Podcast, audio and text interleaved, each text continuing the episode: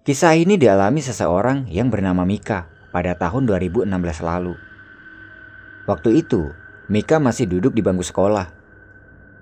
Melihat tren mendaki saat itu sedang populer, Mika mempunyai keinginan untuk pergi mendaki gunung. Tapi, Mika tahu kalau dia pergi mendaki, pastinya dia tidak akan diperbolehkan oleh kedua orang tuanya. Karena bisa dibilang Mika adalah anak satu-satunya dari keluarga yang cukup mampu. Jangankan pergi mendaki gunung. Pergi keluar rumah saja dia harus pamit dulu. Keinginan Mika untuk pergi ke gunung ini tidak putus hanya karena itu. Dia mencari akal bagaimana caranya agar dia bisa diizinkan untuk pergi mendaki. Dia menghubungi kakak iparnya yang bernama Benny yang sudah terbiasa mendaki untuk meminta tolong mengajaknya pergi mendaki dan memintakan izin pada kedua orang tuanya.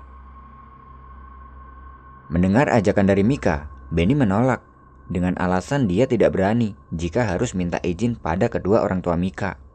Tapi karena kasihan melihat Mika, akhirnya Benny memberanikan diri untuk meminta izin pada kedua orang tua Mika. Singkat cerita, keesokan harinya, Benny datang ke rumah Mika untuk meminta izin pada kedua orang tuanya dengan berbagai alasan, dengan tujuan agar diizinkan. Dan akhirnya, Kedua orang tua Mika mengizinkan mereka pergi mendaki, tapi dengan satu syarat, yaitu Benny harus selalu menjaga Mika. Dengan perasaan lega, Benny mengiyakan, dan Mika, dia sangat merasa senang dengan semua itu. Setelah mendapat izin dari kedua orang tuanya, Benny dan Mika berunding ke mana mereka harus mendaki. Dan Benny memutuskan untuk pergi ke Gunung Merapi aja karena gunung yang paling dekat dengan tempat tinggal mereka adalah Gunung Merapi. Keesokan harinya, ketika di sekolah, Mika menemui kedua teman dekatnya dan mengajaknya untuk pergi mendaki. Dua temannya itu adalah Radit dan Vita. Eh, lusa kalian berdua ikut yuk mendaki ke Merapi. Mendengar itu, Radit dan Vita kaget. Lalu Radit menjawab, Apa? Ke Merapi? Mendaki dong. Iyalah, ikut ya. Kamu serius mau ke Merapi? Sama siapa? Kok tumben boleh keluar, apalagi mendaki gunung? Mika meyakinkan mereka berdua bahwasanya Mika sudah diizinkan untuk pergi. Radi dan Vita pun menyetujui ajakan Mika dan betapa senangnya Mika pada hari itu. Sepulang sekolah, Mika mengajak mereka berdua untuk pergi ke toko outdoor untuk membeli peralatan. Karena mereka berdua lah yang tahu peralatan apa aja yang diperlukan untuk mendaki gunung. Dan setelah semua sudah terbeli, mereka berdua pulang ke rumah masing-masing. Malam harinya, Benny menghubungi Mika melalui telepon dan memberitahunya agar Mika berolahraga kecil-kecilan dengan tujuan agar nantinya tidak kaget. Singkat cerita, Tibalah hari pemberangkatan. Sepulang dari sekolah, terlihat Benny sudah menunggu Mika di rumahnya. Dan siang itu, mereka berangkat dengan menggunakan mobil. Sebelum berangkat tidak lupa mereka pamit dengan kedua orang tua Mika dan tidak lupa menjemput Radi dan Vita di depan pintu gerbang sekolahannya. Setelah dijemput, mereka langsung berkendara menuju ke tempat tujuan. Jam 3 lebih 15 menit, mereka sampai di Polsek Selo. Sesampai di situ, Benny melapor pada polisi yang bertugas agar dicatat nomor kendaraannya dan meninggalkan nomor yang bisa dihubungi. Sesampai di base camp, mereka mempersiapkan dirinya masing-masing. Dan sore itu juga, mereka berangkat mendaki. Perjalanan dimulai. Mereka berjalan dengan santai. Mereka berjalan dengan posisi Radi di paling depan, dilanjut dengan Vita, Mika, dan Benny paling belakang sebagai sweeper. Di sepanjang perjalanan, Mika merasa sangatlah senang karena ini adalah pertama kalinya dia menginjakan kaki di pegunungan. Setelah kurang lebih satu jam berjalan, sampailah mereka di pos 1. Sesampai di situ mereka istirahat untuk minum dan ngemil makanan ringan. Di pos 1 itu, pemandangannya luar biasa indah. Terlihat gunung merbabu yang menjulang tinggi di sebelahnya. Melihat itu Mika bertanya pada Benny. Mas, Itu gunung apa? Gunung Merbabu itu, Dek. Kenapa nggak ke situ aja? Berat, nanti aja Mas ajakin ke sana. Di pos satu itu, mereka saling bercanda. Melihat hari yang sudah semakin sore, Benny mengajak mereka untuk lanjut berjalan agar tidak kemalaman nantinya. Perjalanan kembali dilanjutkan. Setelah pos satu ini, jalur didominasi dengan bebatuan terjal. Mereka berjalan dengan hati-hati, karena salah sedikit saja mereka bisa terpeleset. Hari mulai gelap. Karena kondisi jalan yang semakin gelap, mereka menyalakan senternya masing-masing dan sampailah mereka di pos 2 sekitar jam 7 malam. Sesampai di situ mereka istirahat lagi untuk mengembalikan tenaga yang sempat terkuras karena terjalnya jalur yang mereka lalui tadi. Di pos 2, Benny mengeluarkan alat masaknya untuk membuat minuman hangat. Dan di pos 2 itu, Mika terlihat sudah sangat kelelahan. Melihat itu Benny bilang pada Mika, Capek dek, capek banget. Jawab Mika dengan lemas. Lalu Benny menjawab, Ya beginilah kalau naik gunung. Ya udah, kamu istirahat dulu aja. Nanti kalau udah nggak capek kita lanjut. Benny menggelarkan matrasnya agar bisa digunakan untuk istirahat. Sambil menunggu tenaga kembali pulih, Benny mengobrol dengan Radit sambil menikmati kopi buatan Benny. Mereka bertiga pun ngobrol dan saling bercerita. Nah, ketika mereka sedang asik ngobrol, tiba-tiba salah satu temannya yang bernama Vita, dia merasa seperti ada yang meniup bagian belakang lehernya dengan pelan. Awalnya, Mika mengira itu adalah hembusan angin. Tapi malam itu angin tidak berembus karena terlihat beberapa dedaunan di sekitarnya itu terlihat diam. Jadi nggak mungkin kalau tadi adalah hembusan angin. Tidak lama setelah itu, tanpa disengaja, Vita menoleh ke arah Mika yang sedang tidur. Dan dia dikagetkan oleh sebuah bayangan putih yang melintas di sebelah Mika yang sedang tidur. Bayangan putih itu hanya sekilas, tapi terlihat sangat jelas. Melihat Vita kaget, Radit bertanya pada Vita. Ada apa, Fit? Eh, enggak. Enggak ada apa-apa kok. Enggak ada apa-apa kok kaget. Ambilin minum dong, aku haus. Ucap Vita mengalihkan perhatian mereka. Lalu Benny menyahut. Vita, jangan kebanyakan bengong ya. Hehe, iya mas. Setelah minum seteguk air, Vita berbisik pada Radit. Dit, barusan kayak ada bayangan yang lewat di dekat Mika. Mendengar itu Radit tersentak. Lalu dengan berbisik, Radit menjawab. Hus, Jangan ngomong aneh-aneh. Melihat mereka yang sedang berbisik-bisik, Benny bertanya, Kalian sedang ngomongin apa? Lalu Vita menjawab, Enggak mas, lanjut jalan yuk. Aku ngerasa nggak enak di sini. Mendengar ucapan dari Vita, mereka berdua merinding. Benny berpikir, apa jangan-jangan Vita habis melihat sesuatu yang tidak wajar? Benny pun segera mengemasi peralatan masaknya dan membangunkan Mika yang masih tidur. Setelah dibangunkan, Mika terlihat sangat lemas. Dia merasa kepalanya pusing dan pandangannya buram. Dia mengira mungkin ini karena efek bangun tidur. Mika tidak bilang tentang keadaannya ini pada mereka semua. Dia hanya minta ambilin air untuk diminum. Setelah selesai minum, dia merasa agak baikan Kemudian mereka lanjut berjalan. Perjalanan pun kembali dilanjutkan. Sambil berjalan, Mika berusaha menahan pusing yang dirasakannya tanpa bilang pada teman-temannya. Karena dia tidak ingin menjadi beban. Dan di sisi lain, Mika lah yang mempunyai acara pendakian ini. Di tengah-tengah perjalanan menuju ke Pasar Bubra, tepatnya ketika mereka sampai di area Watu Gajah. Tiba-tiba, dari sela-sela pepohonan, Mika melihat ada sosok orang yang berpakaian hitam dengan wajah yang sangat pucat. Dia sedang menatap Mika. Melihat itu, spontan Mika berteriak menutup mukanya dan menyembunyikan mukanya itu di pundaknya Benny. Melihat Mika yang tiba-tiba seperti itu, mereka semua kaget, terutama Benny. Kamu kenapa, Dek? Ucap Benny sambil merangkul Mika. Dengan ketakutan Mika menjawab. Ada yang ngeliatin aku di sana. Jawab Mika sambil menunjuk ke arah orang yang tadi dilihatnya. Spontan, mereka semua menoleh ke arah yang ditunjuk Mika. Tapi mereka tidak melihat ada apa-apa dan siapa-siapa di situ. Melihat kejadian ini, mereka semua merinding.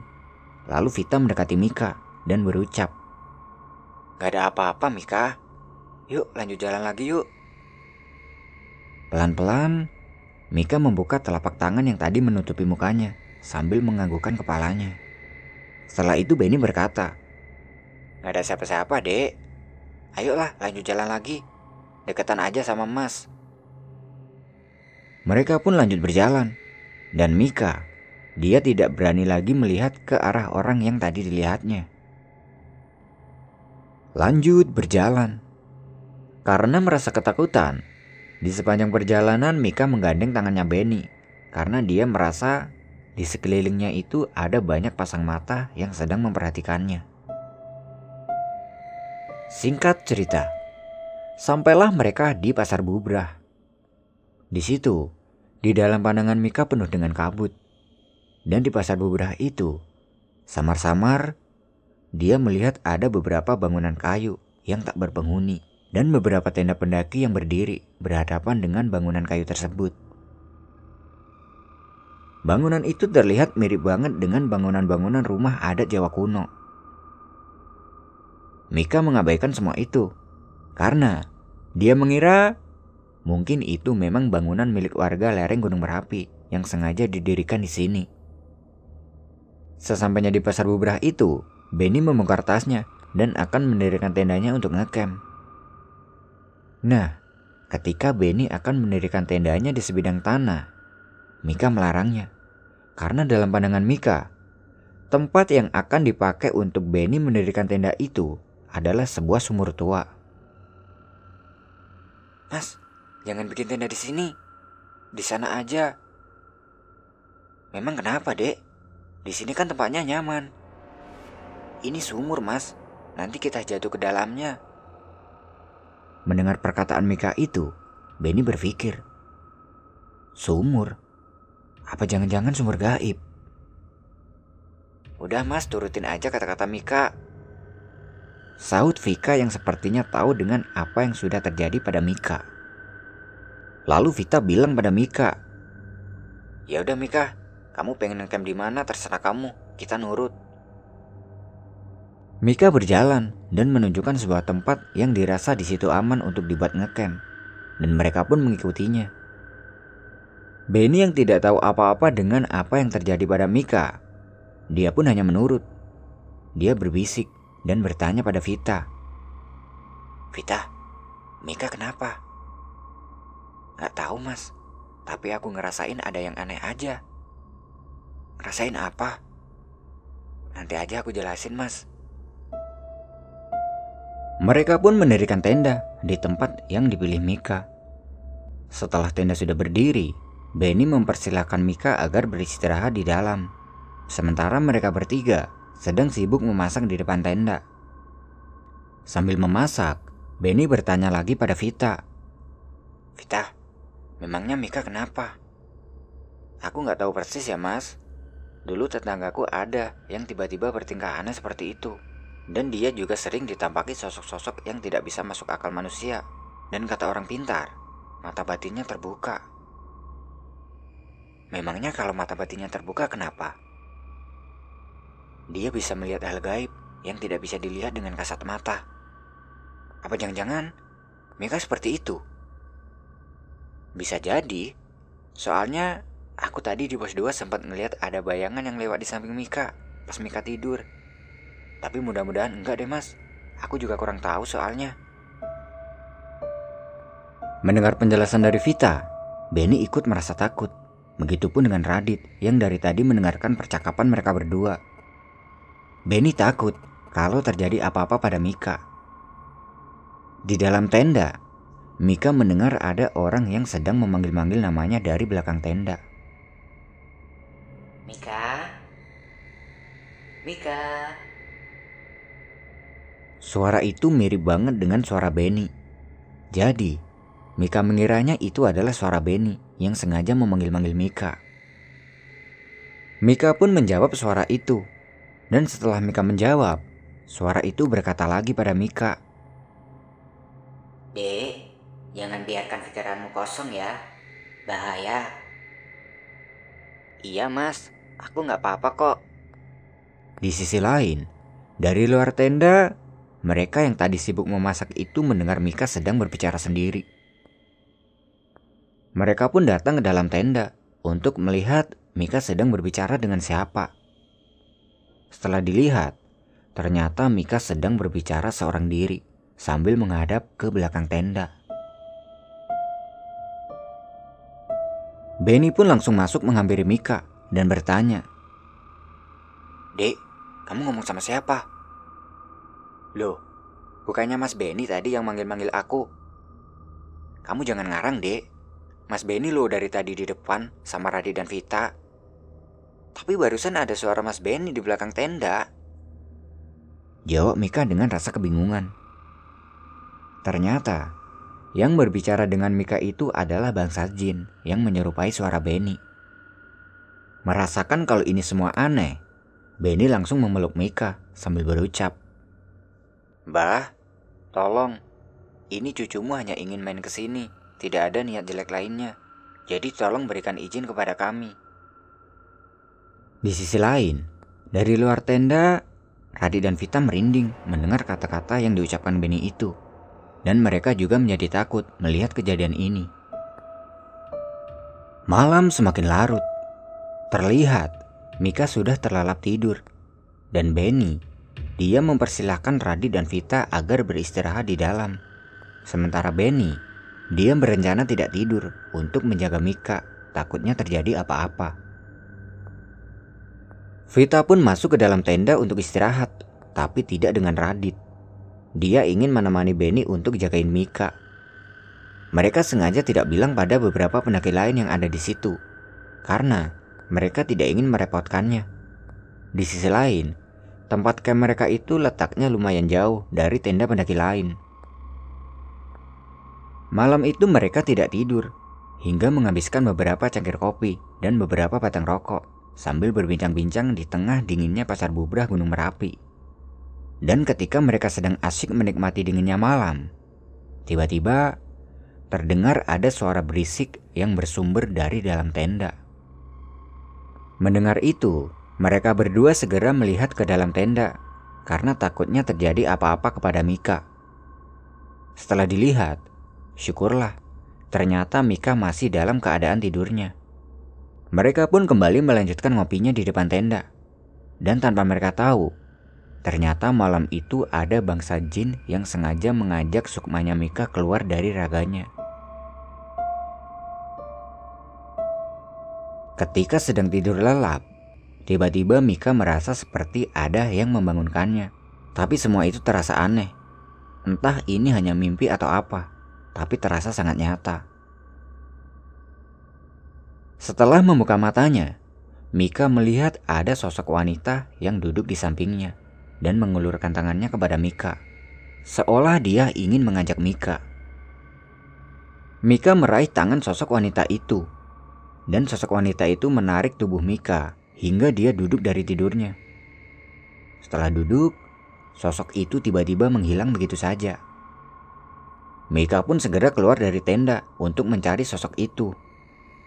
Sesampai di luar tenda, dia melihat Benny dan Radit sedang duduk sambil minum kopi dan sebuah pemandangan yang benar-benar membuat Mika tercengang. Di luar tenda itu, Mika melihat ada banyak orang yang sedang mondar-mandir tanpa tujuan dan beberapa bangunan yang sama seperti yang tadi dilihatnya. Tidak lama kemudian, ketika Mika berada di luar tenda, semua orang yang tadinya mondar-mandir itu tiba-tiba matanya menatap tajam ke arah Mika yang sedang berdiri. Karena takut, Mika mendekati Benny dan Radit yang sedang duduk di depan tenda. Tapi anehnya, mereka berdua tidak merespon keberadaan Mika. Beberapa kali Mika memanggil Benny, tapi tetap saja dia tidak merespon. Seakan-akan Benny ini tidak menyadari keberadaan Mika di situ. Tidak lama kemudian, dari belakang Mika mendengar ada suara yang berucap. Kamu bisa melihat semuanya. Ikutlah denganku, dan kamu akan baik-baik saja. Mendengar suara itu, spontan Mika langsung menoleh ke belakang. Dan setelah menoleh ke belakang, ternyata yang bicara itu adalah sosok wanita cantik bermahkota kerajaan dengan memakai kebaya berwarna hijau dan dihiasi putih bunga melati. Wanita itu mengajak Mika untuk pergi ke sebuah tempat. Dan tanpa ada perasaan takut, Mika berjalan mengikuti sosok wanita itu. Wanita itu menuntun Mika ke sebuah istana yang sangat megah. Melihat istana itu, Mika tercengang, seakan dia tidak percaya dengan apa yang dilihatnya. Lalu wanita itu berkata pada Mika, Ikutlah masuk denganku, kamu akan lebih nyaman di dalam sana. Mendengar ajakan itu, Mika merasa takut. Dia takut kalau wanita ini akan mencelakainya. Tapi di tengah ketakutannya itu, tiba-tiba ada dua orang tua yang menghampirinya dan berkata, Jangan takut, masuklah. Mika pun masuk bersama wanita berkebaya hijau itu. Sesampai di dalam istana, dia terheran karena di dalam istana itu suasananya sangat sejuk dan damai. Beberapa kali dia disambut orang-orang penghuni istana tersebut. Mika bingung dengan keadaan ini. Dia berpikir, "Aku ini sedang berada di mana?" Melihat keadaan istana yang seperti itu, perlahan rasa takut Mika hilang. Kemudian wanita berkebaya hijau itu berjalan menuju ke sebuah ruangan dan duduk di sebuah kursi yang di sebelahnya terdapat dua dayang. Setelah duduk, Wanita itu mempersilahkan Mika untuk ikut duduk juga di sebuah kursi yang terletak di sampingnya. Di situ Mika diperlakukan layaknya seorang putri. Karena merasa tidak pantas dengan perlakuan ini, Mika menolak. Tapi wanita itu tetap memintanya untuk duduk di sampingnya. Hingga akhirnya, Mika pun duduk di sebelah wanita itu. Ketika sedang duduk, dia memberanikan diri untuk berbicara dengan wanita berkebaya hijau itu. Maaf, saya sedang berada di mana ya? Kamu sedang berada di sebuah istana. Istana? Benar, Sukmamu telah masuk ke alam gaib. Mika tersentak setelah mendengar ucapan dari wanita itu. Lalu, dengan kata yang terpatah-patah, dia bertanya, Eh, bagaimana caranya aku bisa kembali ke alamku sendiri? Jangan khawatir, jika tiba waktunya kamu akan kembali. Ucap wanita itu sambil tersenyum kepada Mika. Lalu Mika kembali bertanya, Kalau boleh tahu, saya harus memanggil Anda siapa? Panggil saja aku Nyai. Mika hanya menganggukkan kepalanya. Tidak lama kemudian, Nyai itu memanggil dua orang untuk menghadapnya. Ternyata Dua orang itu adalah orang tua yang tadi menghampiri Mika sebelum dia masuk ke dalam istana ini. Dan kedua orang tua itu bersenjatakan sebuah keris. Setelah menghadap, Nyai berkata pada Mika, "Kamu pasti akan bosan jika di sini terus. Ikutlah dengan mereka." "Ikut ke mana, Nyai?" "Mereka akan membawamu keliling istana ini." Mika pun menganggukkan kepalanya dan berdiri dari duduknya untuk ikut dengan dua orang tua itu. Mereka pun berjalan keliling istana yang sangat megah ini. Dan setelah puas berkeliling istana, kedua orang itu mengajak Mika untuk keluar dari istana. Sesampai di luar, ternyata suasananya ramai banget, seperti di desa. Tidak lama kemudian, ada sebuah kereta kuda yang biasa disebut dokar Kereta kuda itu menghampiri mereka dan berhenti tepat di depan Mika. Kedua orang itu mempersilahkan Mika untuk masuk ke dalam kereta kuda tersebut. Lalu Mika bertanya, Kita mau ke mana, kek? Sambil menunggu waktu kamu kembali, kita akan berkeliling desa ini. Mika pun masuk ke dalam kereta itu, kemudian disusul dengan dua orang tersebut. Setelah masuk, kereta itu membawa Mika berkeliling desa. Berjalan mengelilingi desa. Di perjalanan, Mika bertanya pada dua orang tua tersebut tentang siapa wanita yang berada di istana tadi. Salah satu dari orang tua itu memberitahu Mika bahwa beliau adalah Nyai Gadung Melati. Mika tidak tahu dengan nama itu. Di tengah-tengah perjalanan itu, dia melihat-lihat sekelilingnya yang terdapat beberapa bangunan rumah adat Jawa kuno.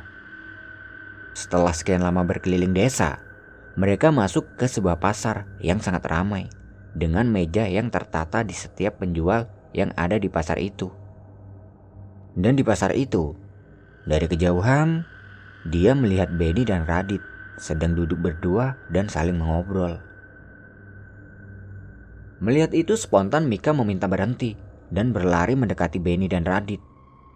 Setelah didekati, Mika bilang pada mereka, Mas Benny, tapi Benny tidak meresponnya seakan dia tidak menyadari keberadaan Mika. Karena tidak ada respon dari Benny, Mika pun memanggil Radit. Radit, Radit, ini aku Mika. Dan Radit pun tidak meresponnya juga. Mika tidak tahu apa yang sedang terjadi dan kenapa mereka tidak merespon keberadaan Mika. Lalu, dari belakang dua orang tua itu mendatangi Mika dan memegang pundaknya Mika sambil berucap. Kalian beda dimensi, jadi mereka tidak akan menyadari keberadaanmu di sini. Tapi kek, aku ingin kembali bersama mereka.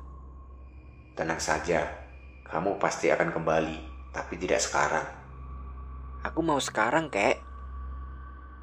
Belum bisa. Kalau kamu kembali sekarang, jiwamu yang akan terancam. Mika bingung dengan keadaan ini. Dan akhirnya, Mika menurut dengan apa yang diucapkan kakek itu. Mereka kembali masuk ke dalam kereta kuda dan kembali ke istana. Sesampainya di istana, dia disambut oleh dua dayang dan diantarkan masuk bertemu dengan Nyai. Setelah bertemu dengan Nyai, Mika dihidangkan makanan yang berupa buah-buahan segar. Ada apel, pisang, jeruk, anggur, dan lain-lain. Melihat itu Mika tidak berani memakannya. Lalu Nyai bilang, Mika, jangan takut. Makanlah. Setelah ini kamu akan saya antar kembali ke ragamu. Akhirnya Mika pun memakan buah-buahan itu. Setelah selesai memakannya, Nyai berucap, Sekarang ikutlah denganku. Ke mana, Nyai? Aku akan mengantarkanmu kembali ke ragamu. Mika pun berjalan mengikuti Nyai. Sesampai di depan ruangan, ternyata di situ sudah ada kereta kuda yang sedang menunggunya. Nyai mempersilahkan Mika untuk naik, kemudian disusul olehnya. Mika terkejut melihat kejadian ini. Dengan gagah, Nyai mengendarai kereta kuda itu seorang diri. Dan yang membuat Mika lebih terkejut lagi, kereta kuda yang dikendarai Nyai itu tidak berjalan seperti pada umumnya. Nyai mengendarai kereta itu sambil melayang di atas, alias terbang. Tidak lama mereka terbang menaiki kereta kuda itu. Sampailah mereka di tempat Benny dan Radit yang masih asik ngobrol sambil minum kopi. Sesampai di situ mereka turun. Setelah turun, Nyai memeluk Mika dengan penuh kasih sayang sambil berucap, Mika, kamu adalah manusia yang baik. Kamu harus kembali sekarang. Momen itu membuat Mika menangis terharu. Lalu Mika menjawab, Nyai juga baik, dan aku tidak akan pernah melupakan kebaikan Nyai ini. Perlahan, Nyai melepaskan Mika dari pelukannya sambil dia tersenyum. Setelah itu Nyai mengulurkan tangannya kepada Mika. Dan Mika pun meraih tangannya Nyai. Setelah diraih, Nyai mendorong Mika dengan keras hingga Mika terpental. Setelah terpental, Mika sudah tidak melihat keberadaan Nyai lagi. Dan seketika itu juga, Mika terbangun dari tidurnya dalam keadaan kaget sambil memanggil-manggil nama Nyai. Ketika bangun itu, waktu sudah menunjukkan jam 5 pagi. Di sisi lain, Benny dan Radit yang tadinya di luar tenda langsung masuk ke dalam karena mendengar Mika berteriak-teriak sendiri. Sesampai di dalam tenda, dengan cepat Benny berusaha menenangkan Mika yang terus-terusan memanggil nama Nyai. Dek, tenang dek. Kamu kenapa?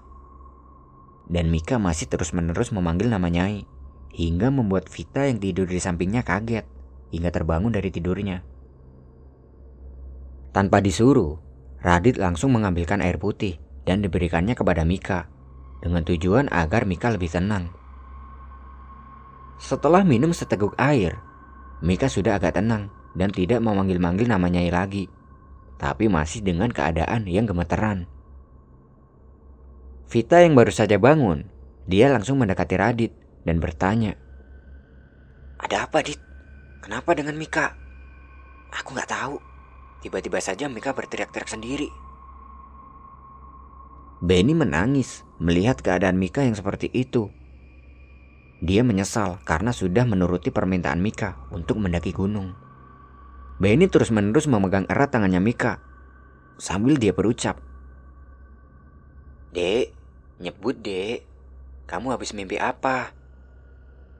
Mika, dia bingung dengan apa yang dialaminya barusan. Apakah tadi itu mimpi? Tapi itu rasanya sangat nyata.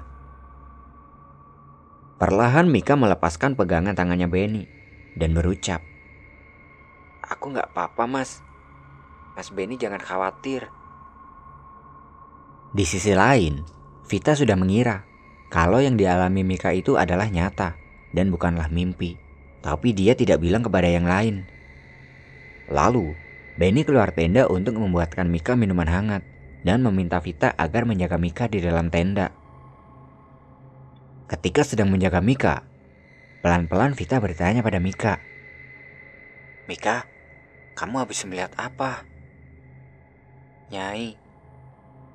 Nyai siapa? Gak tahu. Dia orangnya baik banget. Dia berkebaja hijau dan mengendarai kereta kuda. Mendengar itu, Vita kaget. Dia ingat cerita tentang Gunung Merapi yang pernah didongengkan oleh neneknya ketika Vita masih duduk di bangku SD. Lalu Vita kembali bertanya, Kamu sebelumnya udah tahu dengan dia? Belum, aku baru melihatnya sekarang. Jawab Mika dengan polos. Tidak lama kemudian, Benny memberikan minuman hangat yang tadi dibuatnya untuk Mika. Dan setelah itu, Benny bilang pada mereka semua. Habis ini kita turun ya. Gak usah dilanjut ke puncak, kasihan Mika. Lalu Mika menyahutnya. Enggak mas, aku mau ke puncak. Tapi Mika, keadaan kamu seperti ini. Aku udah sehat kok mas. Mas Benny tenang aja. Yakin? Yakin banget. Ucap Mika sambil menunjukkan kalau dirinya tidak seperti yang dikhawatirkan Benny. Karena melihat Mika yang sepertinya sudah lebih baik dari sebelumnya, akhirnya Benny pun menuruti permintaan Mika untuk samit ke puncak. Dia mengajak mereka semua untuk masak di depan tenda. Ketika berada di depan tenda, Mika terkejut melihat keadaan sekitar. Yang sebelumnya dia melihat tempat ini adalah pasar dan beberapa bangunan rumah adat Jawa kuno. Sekarang menjadi gersang dan hanya terdapat beberapa batu besar yang menancap di tanah. Dan dalam pandangan Mika, sebelumnya batu-batu itu adalah lapak dari pedagang yang ada di area sini. Mika semakin yakin kalau apa yang dirasakan semalam itu bukanlah mimpi. Mika mengabaikan semua itu Kemudian dia lanjut masak bersama Benny, Radit, dan Vita. Waktu sudah menunjukkan jam 6 pagi. Setelah selesai sarapan, mereka bersiap-siap untuk samit ke puncak Di perjalanannya menuju ke puncak itu, Mika terus kepikiran tentang sosok Nyai yang bersamanya semalam. Hingga sampailah mereka di puncak. Sesampai di puncak, Mika terlihat sangat senang karena dia bisa melihat pemandangan di atas awan yang sangat indah. Dan ini adalah pemandangan terindah yang belum pernah dilihat Mika sebelumnya. Ketika di puncak itu, tepatnya di sela-sela awan, samar-samar Mika melihat ada sosok Nyai yang dengan gagah dia mengendarai kereta kuda seorang diri.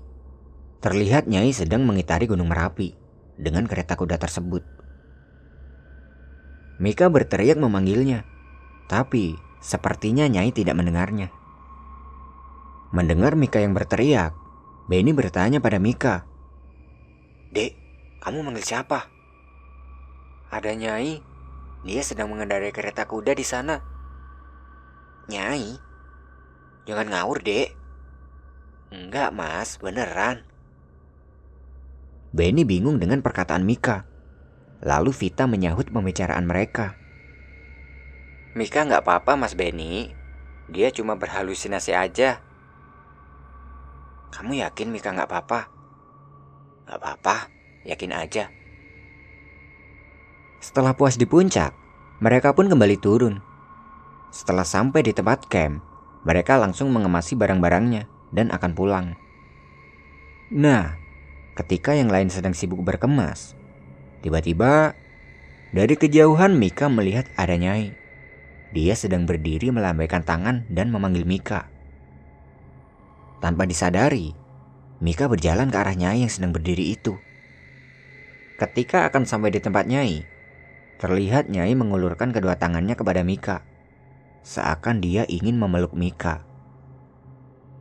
Vita yang melihat Mika sedang berjalan menjauh dari teman-temannya memberitahu Benny. Mas Benny, itu Mika mau ke mana?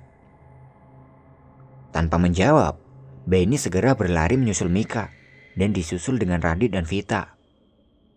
Sesampai di tempat Mika yang sedang berjalan, Benny menarik tangannya Mika sambil bilang, Kamu mau ke mana, dek? Mendengar itu spontan Mika kaget dan menoleh ke arah Benny yang sedang berbicara kepadanya. Dan setelah pandangan Mika itu diarahkan kembali ke arah Nyai, Nyai sudah tidak ada.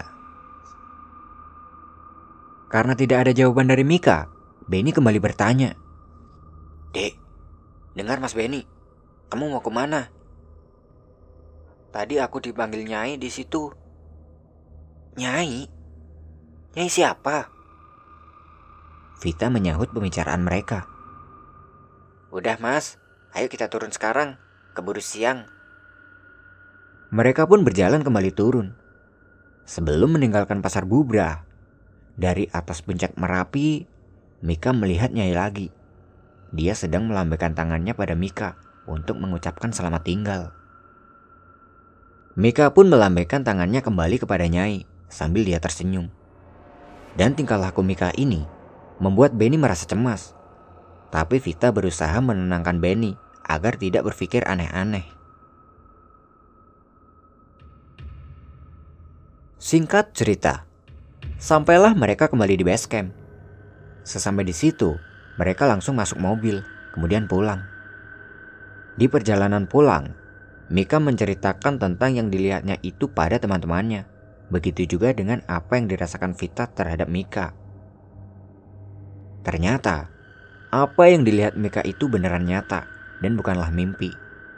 Menurut Vita, mata batin Mika sempat terbuka dengan sendirinya setelah dia tidur di pos 2 kemarin. Dan mata batin Mika itu tertutup sendiri setelah dia bangun tidur di pasar bubrah. Karena terbukanya mata batin Mika itu, banyak sekali bangsa jin yang ingin membawa Mika, termasuk sosok orang yang berpakaian hitam yang dilihat Mika di Batu Gajah itu. Tapi beruntunglah Mika bertemu dengan sosok Nyai yang melindungi Mika.